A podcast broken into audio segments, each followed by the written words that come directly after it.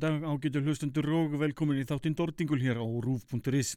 Ég heiti Sigvaldi betur þáttu sem vali Dordingull og ætla að rokka með ykkur næsta klukkutíman þennan fína 20. desember 2021. Fyrstalega þáttarins var lag sem ég frumspilaði í senustu viku nýsta nýtt með hljómsveitinni Krópar Chemical Gods tekja tilvondi breyskju sveitarnar Zero and Below. Í þætti dagsins ætla ég að lefa ykkur að heyra fullt af nýju efni nýtt efni með Aterna, nýtt efni með Börn og nýtt efni með Under the Church. Allt þetta er skemmtilegt og íslenskt, Under the Church svona halvíslenskt, Tök, tökum það alveg að okkur. Við bútið það ætla ég að leiða ykkur einni að heyra nýtt efni með Billy, Bio, eh, Billy úr Biohazard og hljómsveitinni Pissing Razors í viðbútt við eh, fullt, fullt af öðru áhugaverðu efni. Förum bara beint yfir í nýjasta nýtt hljómsveitarinnar Aterna Sveitin var að senda frá sér klassíst lag Sveitin milli sanda. Eftir Magnús Blöndal sem Elli Viljáms gerði fræktum árið. Það er 1965 ef maður rétt. Þetta lag er tekið upp af Leifi Erni Kaldal eins og eh, margt af íslensku rocki í dag. Hlustum hér á þessa frábæra útgáfi hljómsveitarinnar að þessum klassíska slagara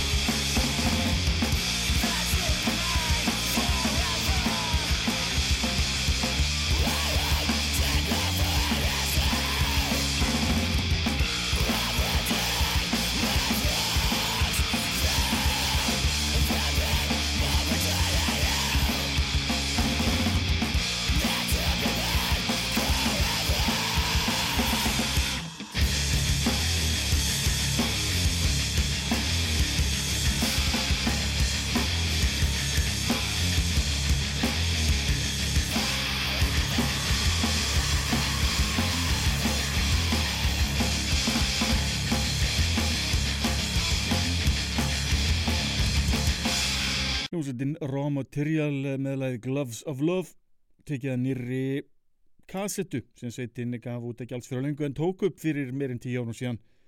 Plattan Black and Deather stór skemmtilegt efni. En önnur hljómsveit sem er að gefa út nýtt efni ber nafnið Börn.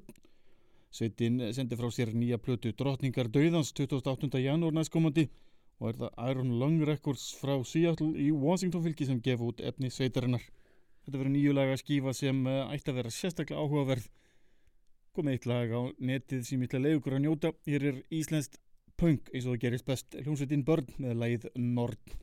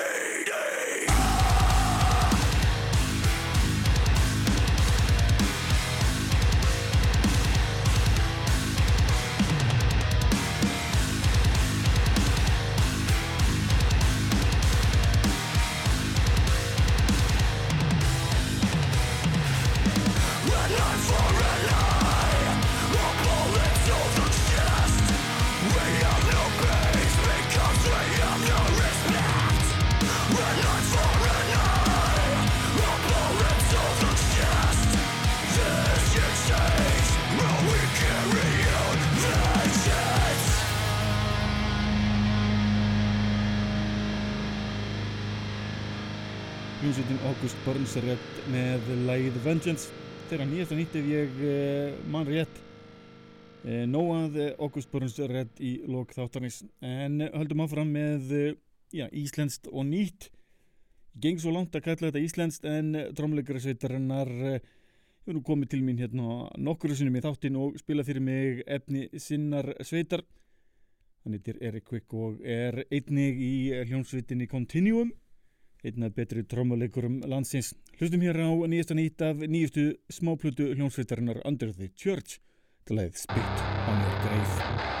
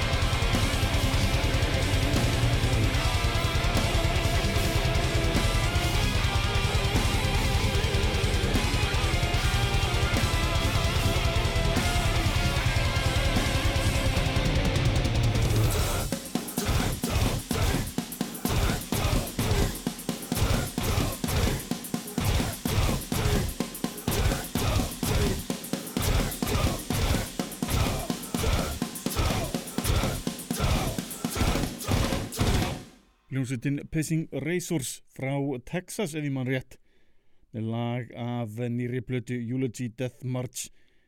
Sem hljómsveit eh, hef ég nú alltaf hýrt um í meirinn tíu ár. Skemmtilegt að sjá að sveitin er ennþá að gefa út efni þegar nýtt lag sem ber nafnið In Spite of My Scars. Þurfum yfir í enn meira íslenskt efni. Hlustum hér á lag frá árinu 2018 með ROT R-O-H-T stórkoslega plata sem bar nafnið inn samfélagið og framtíð þess. Veit ekki hvort að eh, framtíðin hafi verið svona dimmi eins og hún er í dag en hlustum hér á Fögur er hlýðin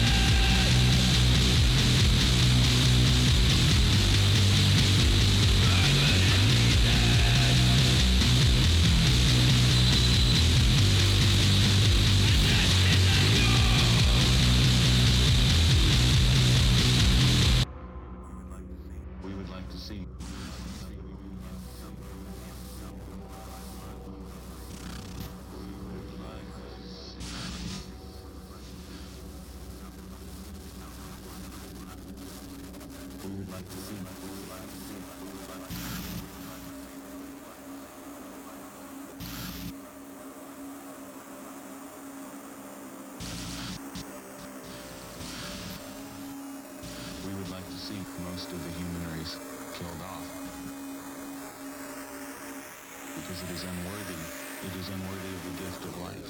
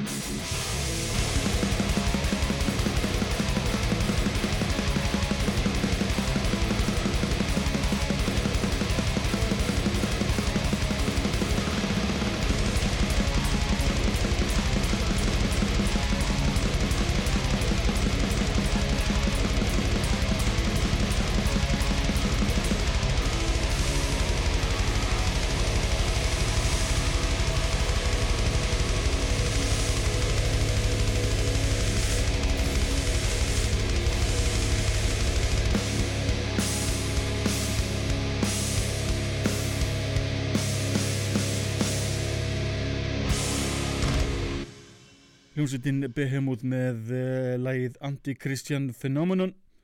Tekið af uh, nýrri plötu sveitarinnar in Absentia Dei. Ef skilða rétt þá er þetta upptökur sem sveitin tóku í yfirgefnu húsnæði ekkustæðar í Afröpu á meðan uh, engi fekk að horfa á nema í gegnum netið. Það er skemmtilega upptökur. En höldum okkur við dimma hluti næsta hljómsveitin Typo Negative með lag af gamalli plötu. Plata sem bar nafnið Oktober Röst Hlustum mér á klassískt lag, lagið Cinnamon Girl.